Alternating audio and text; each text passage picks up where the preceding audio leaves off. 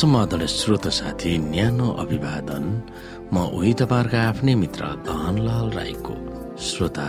आज म तपाईँको बीचमा बाइबल सन्देश लिएर आएको छु। आजको बाइबल सन्देशको शीर्षक रहेको छ युद्ध भूमिमा गरिने प्रार्थनाको उपयोग।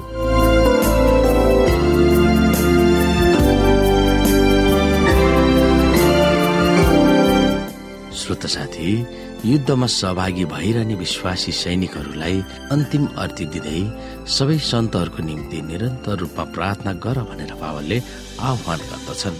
आफूले पनि यसुको राजदूत भएकोले झ्यालखानामा पर्नु परेको पावलको निम्ति पनि प्रार्थना गर भनेर विश्वासीहरूलाई अनुरोध गर्दछन्। प्रार्थना गर्न गरिएको आह्वान पनि सैनिक चित्रणभित्र पर्छ किनकि पौराणिक युद्धमा परमेश्वर वा भगवानहरूलाई प्रार्थना गर्ने साधारण चलन थियो। यस मामिलामा बाइबलमा पनि उदाहरणहरू छ। यहाँ सेलको अनुरोधपछि राजा यहोसापातले सारा यहुदाका मानिसहरूलाई घोडा टेकाएर परमेश्वरको सामु प्रार्थना गरेका थिए। त्यही प्रार्थनाको प्रभावले उनले शत्रुहरूमाथि विजय पाएका थिए। प्रार्थना सातौं अस्त्र भए तापनि युद्ध भूमिमा सैनिकहरूले लड्नुपर्ने चित्रण गर्दै शैतानसँगको युद्धमा प्रार्थना अभिन्न भाग हो भनेर पावलले जिकिर गर्दछन्। सारा सन्तहरूको निम्ति लगनशील र जोसिलो भएर निरन्तर रूपमा प्रार्थना गर्न आवश्यक भएको पावलको पहिलो प्रार्थनाको अनुरोध थियो। दुष्टहरूसँगको युद्धमा यदि चर्च सफल हुन चाहन्छ भने पवित्र आत्माको प्रेरणामा भावित भएको प्रार्थनाले अथवा प्रार्थना गरेर परमेश्वरसँग भर पर्नु आवश्यक थियो अथवा आवश्यक छ। पावलको प्रार्थनाको दोस्रो अनुरोध आफ्नै लागि हो भनेर एफएसी छ अध्यायको उन्नाइसमा वर्णन गरिएको छ।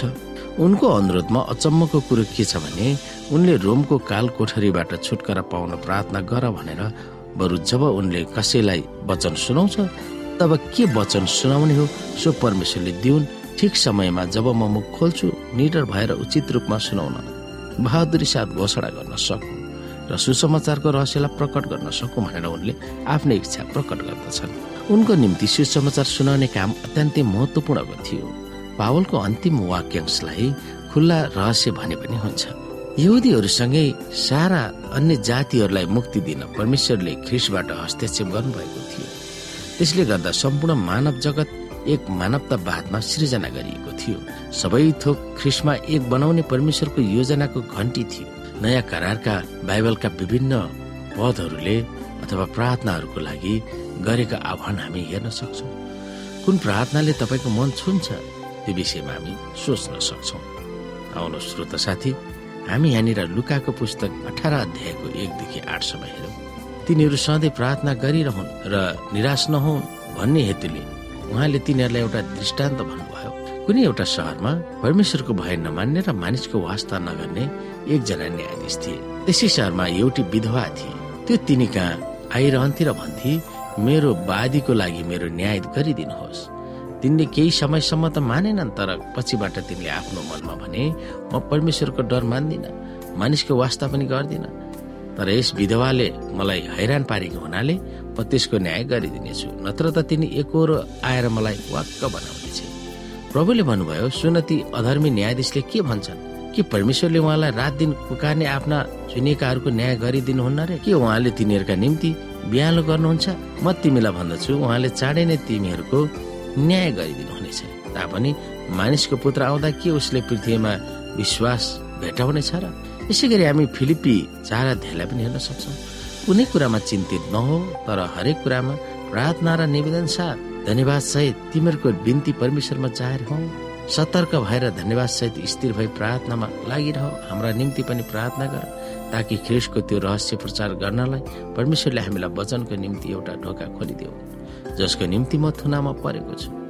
र मैले बोल्नुपर्ने वचन खुलस्त पार्न सकौँ। सधैँ आनन्दित रह निरन्तर प्रार्थना गरिरह। सबै परिस्थितिमा धन्यवाद दियो। किनकि ख्रिस यसुमा तिमीहरूका लागि परमेश्वरको इच्छा यही हो।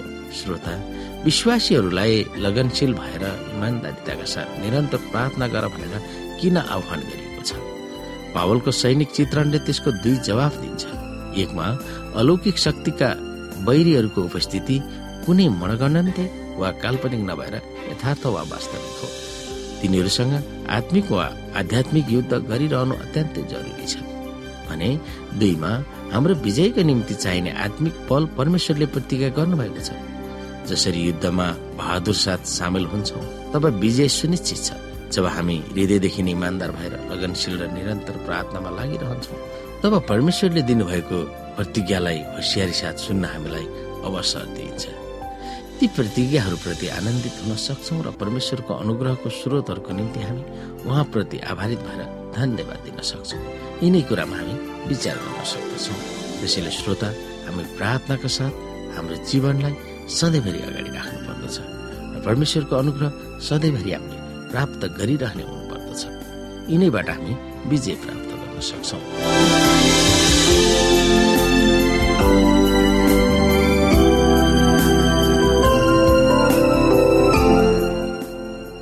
श्रोता आजको लागि बाइबल सन्देश यति नै। हस्त नमस्ते जय मसिंह।